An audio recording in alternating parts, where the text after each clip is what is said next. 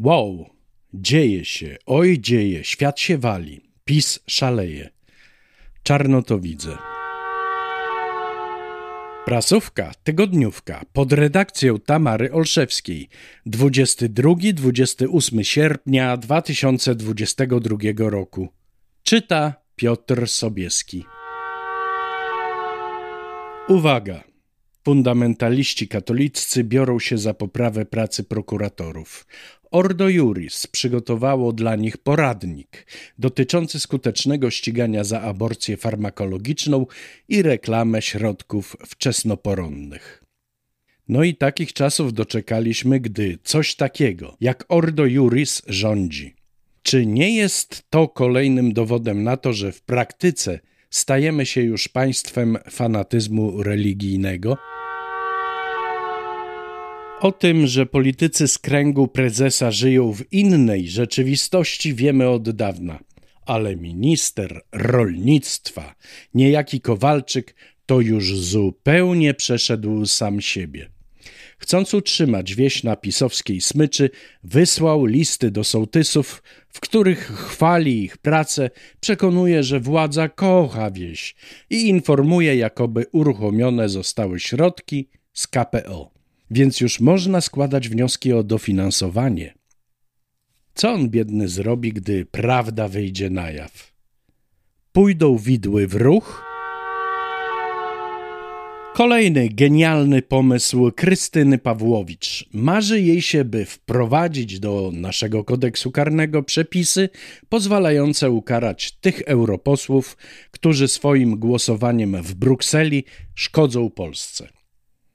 Karze mają podlegać nielojalność, zdrada interesów, oczywiste kłamstwa inspirujące ataki organów Unii Europejskiej na demokratyczne władze Rzeczypospolitej, antypolskie złośliwe głosowania i blokady dokonywane ze szczebla organizacji międzynarodowej typu Unia Europejska. Uuu, to się będzie działo, jak ojczulkowie narodu ten pomysł Pawłowicz kupią. Fundacja Polska Katolicka Nielaicka, związana oczywiście z Ordo Juris, też chce wesprzeć Ukrainę, więc uznała, że najlepszą bronią, taką najskuteczniejszą w walce z Rosją, będą medaliki z ikoną Matki Bożej Zarwanieckiej z jednej strony oraz wizerunkiem świętego Michała Archanioła, patrona Ukrainy, z drugiej. Ich koszt to 550 tysięcy złotych. I po co zbierać kasę na leki, opatrunki czy sprzęt pomocny w walce? Wystarczą medaliki. Od września uczniowie będą mieli obowiązkowe lekcje z religii lub etyki. I tu pojawia się problem. Po prostu nauczycieli etyki brakuje. Więc jak chce temu zaradzić Czarnek? Ano podpisał umowę z siedmioma uczelniami, które będą kształcić nauczycieli w tym zakresie. Niby fajnie, lecz każda z tychże uczelni to szkoła katolicka, co dokładnie wyjaśnia, o co w tym wszystkim chodzi. Pod płaszczykiem etyki będzie przemycana religia, tylko nieco w innej formie. I tak właśnie załatwia się problem dzieci, które nie chcą być na siłę wciskane do katolicyzmu. Teraz nie będą miały wyjścia. Czy wiecie, że aż 11 wojewodów to ludzie prezesa, którzy nie załapali się do parlamentu w ostatnich wyborach, a dwóch to politycy, którzy zrezygnowali z bycia posłem na rzecz lepszej dla nich fuchy?